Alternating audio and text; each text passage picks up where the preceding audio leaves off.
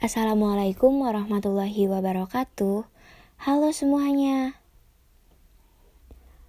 Kalau biasanya gue ngerekodnya malam-malam dan yang gue bahas itu tentang pengalaman pribadi gue sendiri yang kayak cinta bertepuk sebelah tangan, diam-diam suka, putus sebelum jadian. Saking seringnya gue putus sebelum jadian, gue sampai punya istilah sendiri yang gue sebut dengan mantan calon gebetan. Kenapa bisa gue sebut mantan calon gebetan? Karena dia udah kayak mantan. Kalau misalnya udah nggak deket lagi, pura-pura nggak kenal. Ya emang nggak semua mantan gitu sih, tapi biasanya atau yang karena putusnya nggak baik-baik, jadi kayak gitu. Berbeda dengan kalau gue ngerekod malam-malam, pagi ini gue bakal ngebahas tentang LDR tapi masih satu kota. Gak bisa disebut LDR juga sih, karena masih bisa diusahain ketemu. Ya ini berlaku buat yang sama-sama mau ketemu, beda lagi kalau misalnya yang satunya pengen banget ketemu. Tapi yang satu yang satunya lagi malah males dan ngatain si pasangannya itu lebay. Lebay deh. Kan masih bisa chatting atau video call. Kita kan lancar aja komunikasi. Terus apa masalahnya? Terus ngapain lagi mau ketemu ya emang sih masih bisa gitu.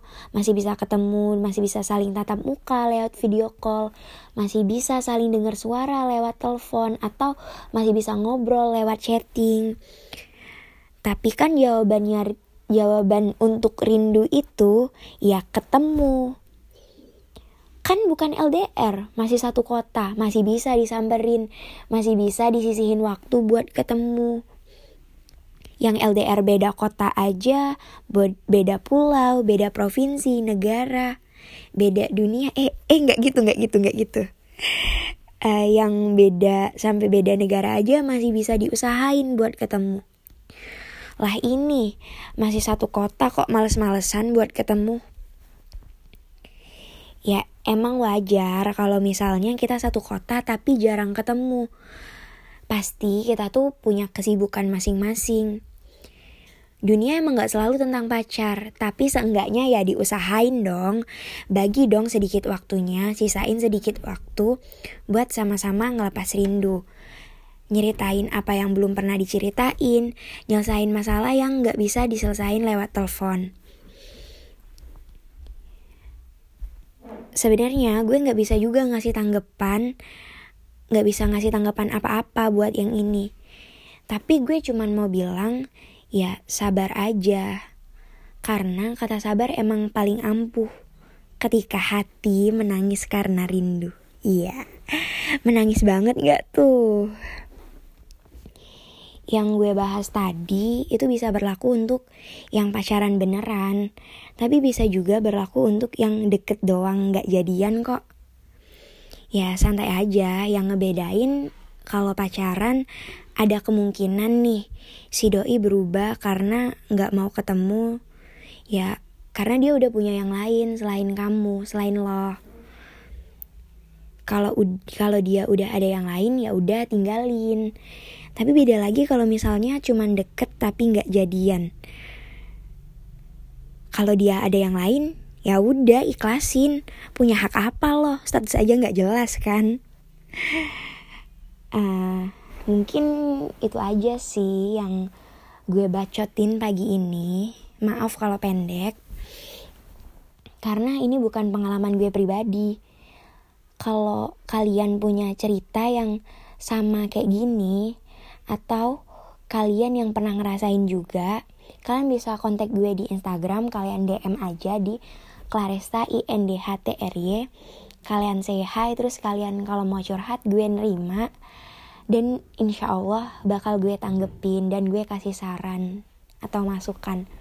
Walaupun terkadang kalau misalnya orang cerita itu nggak perlu masukan kadang cuman perlu didengerin. Itu sih. Terus maaf maaf juga kalau misalnya kalian ketika kalian curhat sama gue kalian nggak nemu nggak nemu jawaban atau nggak nemu inti akar atau penyelesaian dari masalah kalian. Intinya sih pertemuan itu memang penting, tapi itu bukan satu-satunya hal yang dibutuhkan dalam suatu hubungan. Kalau misalnya kita pengen punya ikatan yang kuat dalam sebuah hubungan, ya memang harus ketemu juga. Tapi selagi kamu masih bisa rutin intens lewat chat, kalian masih bisa teleponan, masih bisa video call, ya nggak apa-apa sih, nggak dipermasalahin. Ketemunya jarang.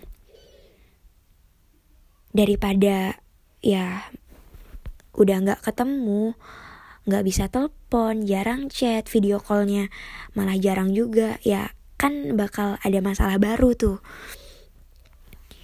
Uh, sambil kalian intens chat sama telepon sama video call yang ketemu tadi yang apa yang harusnya ketemu tadi bisa waktunya bisa kalian gunain buat nyari cara buat memperbaiki apa yang salah dalam hubungan kalian. Ya yang LDR aja bisa kok. Akur masih bisa kok. Harmonis masih bisa kok. Lancar-lancar aja hubungannya walau ketemunya ya jarang. Menurut gue kesabaran itu ya nggak bisa dikasih sama seseorang apalagi diajarin orang lain coba lo terima keadaan tanpa harus ngeluh tanpa harus ngeluh tanpa harus kayak ngerengek ngerengek gitu. Ya di situlah lo bakal ngerasain atau lo bakal belajar apa yang namanya sabar.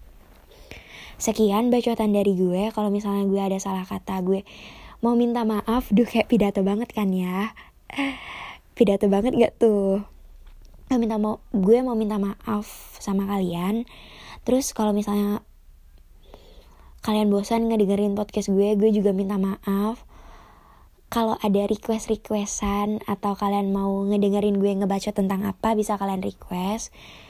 Sekian dari gue. Wassalamualaikum warahmatullahi wabarakatuh